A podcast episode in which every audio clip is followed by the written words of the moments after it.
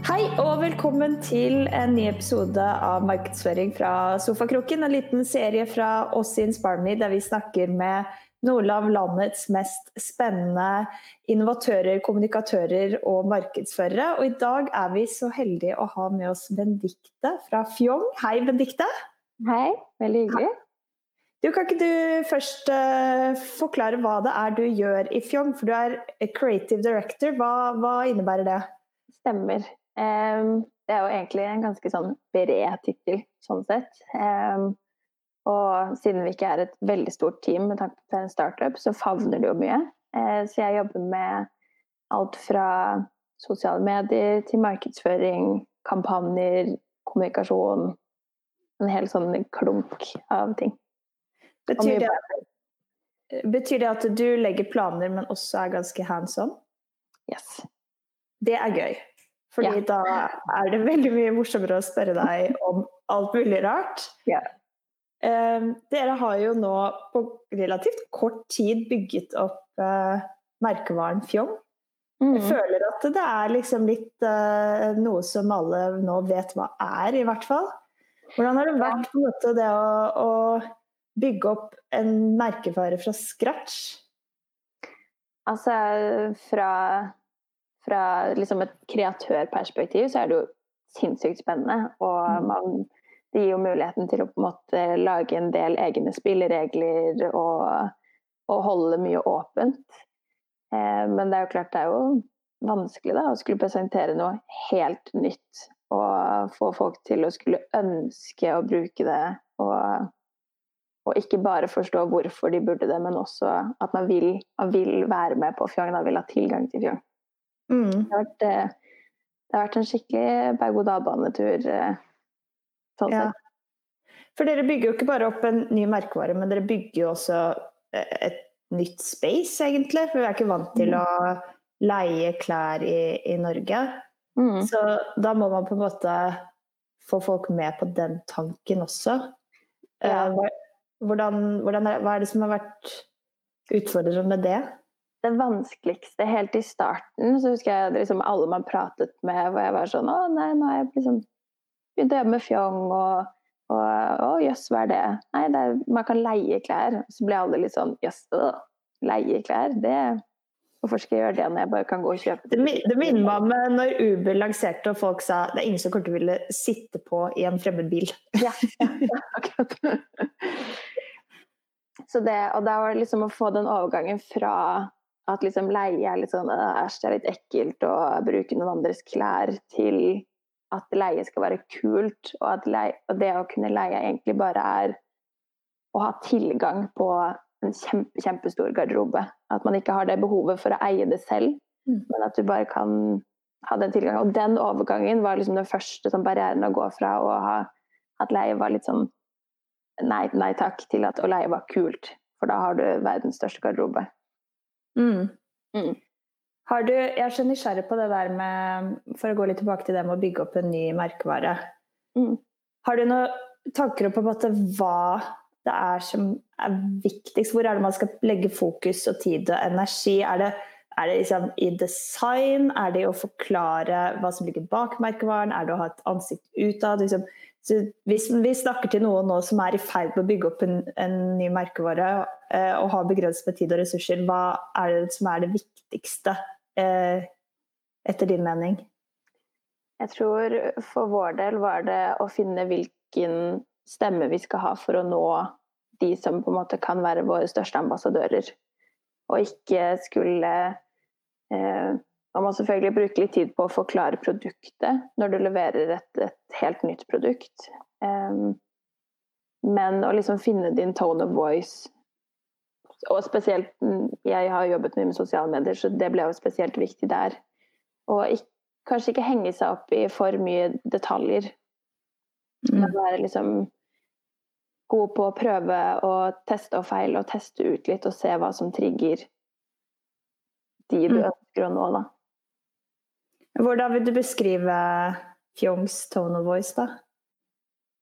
I starten prøvde vi, eller har vi jobbet mye med å liksom skulle lage en sånn eh, kul skandinavisk jente eh, at det, er, det er den typen vi prøver å nå. Lagde liksom hashtaggen 'cool girls rent', som da har liksom blitt merkevare-hashtaggen omtrent. Eh, og så ikke skulle gjøre det for, for utilgjengelig eller for liksom For high fashion, eksempel, eller Ja. Du må liksom eh, Det er viktig at denne skal treffe kule norske jenter og så blir de da våre ambassadører videre til deres mødre eller deres venner eller ja, mm. kollegaer eller hvem andre det skulle være. Som kanskje ikke er så like opptatt av det i kalle den første bølgen med kunder man får, da. Mm. Mm. Men du, Benedicte. Eh, vi blir liksom aldri ferdige med å snakke om denne koronaen. Eh, mm. Men jeg syns eh, Fjong du, du, fortalte på en måte at det ble en veldig sånn overgang for dere. Fordi mm. det å leie klær har vært veldig eventbasert, og så plutselig på en måte over natten så var det ingen event til lenger. Eh, og man gikk fra mer sånn eh, eventbasert leie til hverdag. Mm. Kan ikke du fortelle litt om eh, hvordan den overgangen der var for dere? den var hard og brå. Men det er på en måte Vi har jo eh, Resultatet av overgangen var jo at vi måtte eh, pushe ut et produkt som vi hadde ønsket å release lenge, altså det er abonnement for klær, eh, som vi har jobbet med lenge og testet og, og, prøvd oss litt frem for å prøve å definere hva produktet skal være. Og så plutselig må vi liksom hive oss rundt, få det ut, eh, nesten legge litt fra oss hvordan ting var før, fordi sånn kommer vi ikke til å ha det mer. Og vi har alltid ønsket å gå videre til abonnement. Og så er det som du sier, så stengte jo alt ned. Ingenting skjedde, ingen, ingen skal noe, alle er hjemme. Man får ikke lov til å møtes. Man har liksom ikke noen grunn for å, for å pynte seg mer eller i det hele tatt. Men man må kle på seg om morgenen. det må man. Det må man. Og, og så plutselig på en måte finner man ut at ok, men det lar seg gjøre med hjemmekontor. og man man finner en måte å tilpasse seg situasjonen. Og mm. plutselig innser man at ok, men jeg sitter jo i Zoom-møter hele dagen hvor folk Jeg skal likevel snakke med kunder som ser meg fra livet og opp. Da må jeg se er overdeler mer populære enn underdeler? Ja. Det er det? Ja. Det er liksom bluser og, og skjorter som liksom Alt man kan se herfra og ned. Smykker, f.eks. Kjempepopulært. Og mye, mye eh, kåper, ytterjakker, til man skal ut på tur. Så vi har kanskje blitt en nasjon som uh, har uh, møter i pysjbukse? Med veldig fine uh, overdeler fra fjorden. Ja, ikke sånn bluse og noe yoga-tights. Så det, så det ja. Man må liksom bare finne ut hvordan man får det til å fungere når du får en sånn smell. Og det var jo den det var ikke sånn at bare vi fikk den. den alle har jo mm. opplevd den. Så man bare finne ut hvordan vi, man klarer å liksom navigere seg på nytt mm. med et nytt produkt. Med en ny måte å snakke om. Eh, ikke bare leie, men klesabonnement. Altså i en verden som ikke er så veldig mottagelig for, eh, for mange flere endringer enn når det kommer mange på en gang. Mm. Mm. Men um, eh, altså, har dere noen idé om hvorfor folk bruker fjong? Er det dette her med at man ønsker å, å være mer uh, miljøvennlig, eller leve mer miljøvennlig? Eller er det at vi rett og slett er litt forfengelige, at vi liker å ha på oss noe nytt hver dag og se flotte og freshe ut? Jeg tror det er en liksom deilig kombo av begge to. Og så tror jeg for noen gjelder kanskje eh, miljøaspektet høyt. For en, den andre er kanskje det økonomiske en fordel. Og for de tredje er liksom utvalget. Mm. Og så tror jeg for, for de fleste at det er kombinasjonen av det. At du ikke trenger å på en måte velge, velge én, og så må det gå på bekostning av den andre. Du kan få et kjempestort utvalg, og du kan få tilgang til alle trender og merker du, altså hva enn du måtte ønske deg, uten at det skal gå utover lommeboken, eller at det skal gå utover miljøet sånn sett. da. Mm. Mm. Det er jo deilig å kunne bruke et produkt som eh, appellerer til eh, den forfengelige meg, men også mm. som gjør at jeg kan eh, føle meg litt bedre, for jeg lever litt mer bærekraftig. Ja. Så er det Det er noe Ja, litt som jeg sa, å slippe å liksom velge bort noe. At ikke det ene må bety minus det andre, men at man kan kombinere det. Og så selvfølgelig finnes det eh, tilbud som er enda, kanskje enda mer bærekraftig, men da må du kutte mye ned på, på en annen fordel ved det, eller, eller, at det er dyrt, eller ja. Mm. Mm. Mm. Så eh, Du nevnte i stad, Benedicte, at, eh, at dette med abonnement er noe dere har tenkt på lenge.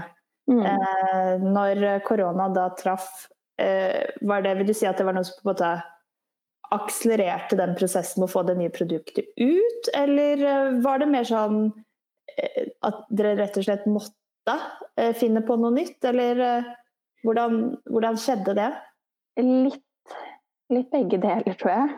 Eh, man har jo eh, Man vil jo gjerne, når man skal lansere et nytt produkt, eller når man skal lansere det man liksom har jobbet med i alle år, da, å gjøre Eh, leie normalt, sånn at vi kan til slutt lansere abonnement. Så har man jobbet med det så lenge, og så vil man på en måte åh, men så må vi tweake det litt her, og så, mm, og så føltes ikke det helt riktig. Ok, men da prøver vi dette. At man blir litt tvunget til å ok, bare slippe det ut der.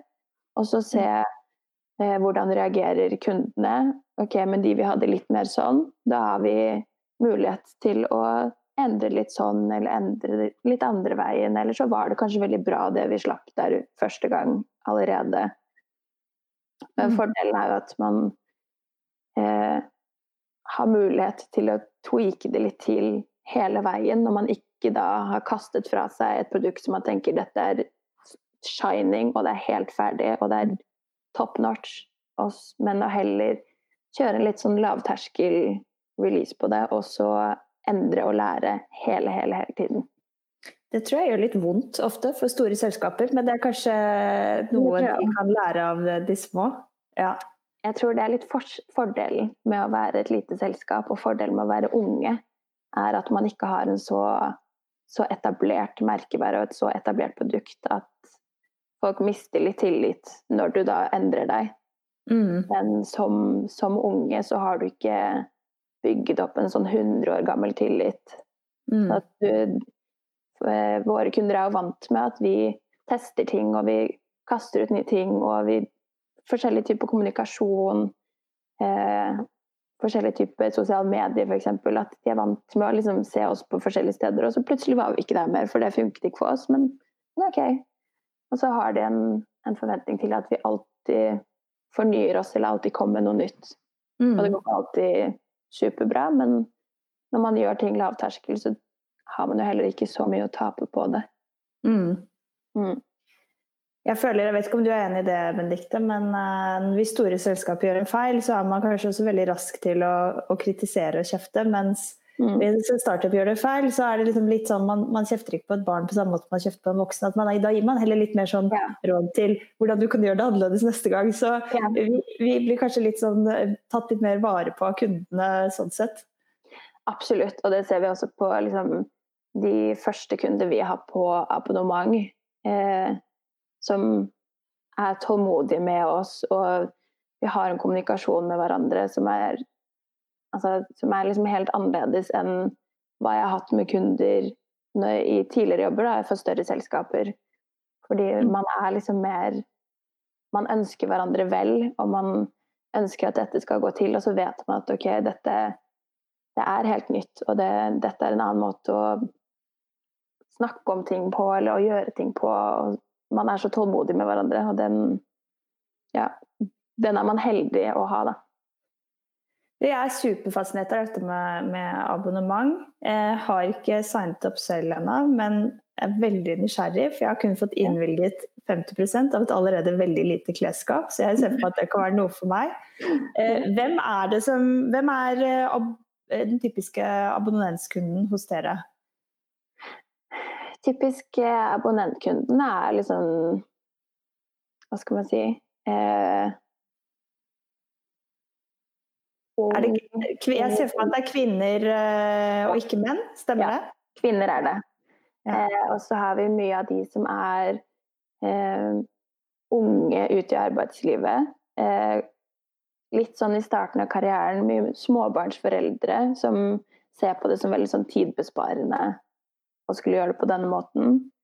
Eh, og så har vi en sånn en gruppe som er av de litt eh, eh, 45 pluss arbeidskvinner som er liksom på toppen av sitt karrieregame. Og Mm. er, er mye er en viktig person i sine roller, da.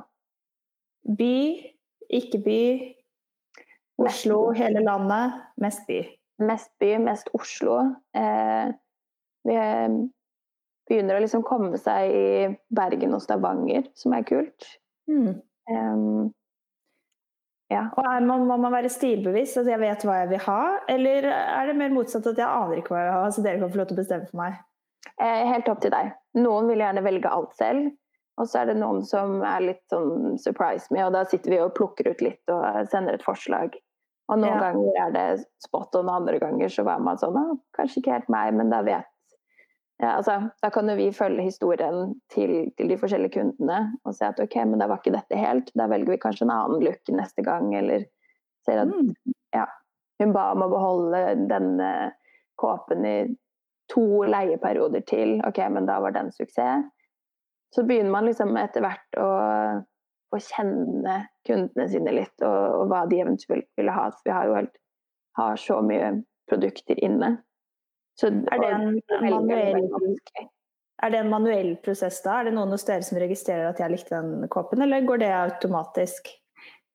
Eh, altså, ordrene dine vil jo da, og liksom ordrehistorikkene ligger, eh, ligger automatisk hos oss, men sier du eh, ønsker at vi skal plukke ut for deg, da sitter vi og plukker ut, og så går man da tilbake etter noen måneder og ser ok, dette har vært over de siste månedene. Da, da tipper vi at denne nye blusen vil også passe ganske bra, og sender den av gårde, da. Og så er det noen som gjør absolutt alt selv, som er veldig stilbevisste, som er de vil ha denne blusen, den vesken og det skjørtet. Og så Mm. Det synes jeg høres helt Det er litt sånn som Chefs menu. Sånn, jeg vet at det er god mat Ja. her, jeg har ikke lyst til å ta noen valg. Jeg, jeg stoler mer på kokken enn meg selv. Og så er det litt Noen syns det er eh, Vi har jo mye produkter for å ha et stort utvalg. eh, Og for å kunne gjøre det tilgjengelig for mange. Og det Mm. gjør at eh, man ofte kan se at det, det, det er mye å velge i. Så man klarer kanskje ikke å velge, litt sånn som du sier når man får en for lang meny. Mm. Og så klarer du ikke å velge, for det er, det er så mye ting som ser godt ut. Og så bare få noen anbefalinger da fra Mm. de hos oss som kjenner varelageret inn og ut. Mm. Mm. Hvis du, eh, vi begynner å nærme oss slutten, Benedicte, men eh, jeg er så nysgjerrig på, på en ting. Du som på en måte jobber i, eh, i klesbransjen. Hvis du bare får tenke litt fritt, for her er det åpenbart ingen fasit. Hvordan, hvordan tror du Hvordan ser dette space ut i fremtiden? Kommer, kommer det til å finnes eh, butikker i det hele tatt? Eh, Kommer vi til å eie noe? Eh, Kommer man til å endre hvordan klær produseres? Vi kan jo ikke holde på sånn at, at plagg varer så kort, f.eks., som det gjør i dag. Nei. Nei. Og man må på en måte endre, endre den tankegangen og endre måten man produserer på. Eh, og så må man, tror jeg, som seg selv, må man tenke ekstremt mye over seg selv som forbruker, for det sier jo noe om hva du ønsker fra bransjen òg. Eh, og så ser jeg jo litt for meg at mm, nå kommer det til å måtte komme en, en stor endring i, i etterlyset av det her. Og sånn som vi har tenkt, er i hvert fall at man kjøper en litt sånn basegarderobe. Du har, har noen jeans og du har en, noe som kvalitetsklassiske baseplagg. Og resten kan du leie. Eller om du eh, bytter med noen, eller leier det istedenfor å måtte eie det selv. Mm. Mm. Så jeg håper jo at eh, at det nå blir litt rom for at man kan tenke litt annerledes. Om, om det er fra et økonomisk perspektiv eller miljøperspektiv, eller at du bare er veldig glad i klær og interessert i mote. Så, sånn som jeg, jeg syns jo det er helt fantastisk å ha mm. 5000 plagg i min garderobe. Selv om det ikke er min garderobe, så føles det litt ut som min garderobe. Det er deilig å få bare lov til å være litt forfengelig også, eh, på en fornuftig måte. Mm. Tusen takk, eh, Benedicte, for at du eh, var her og delte om fjong. Tusen takk for meg. Det var veldig hyggelig å være med. Ha det bra. Ha det godt. Müzik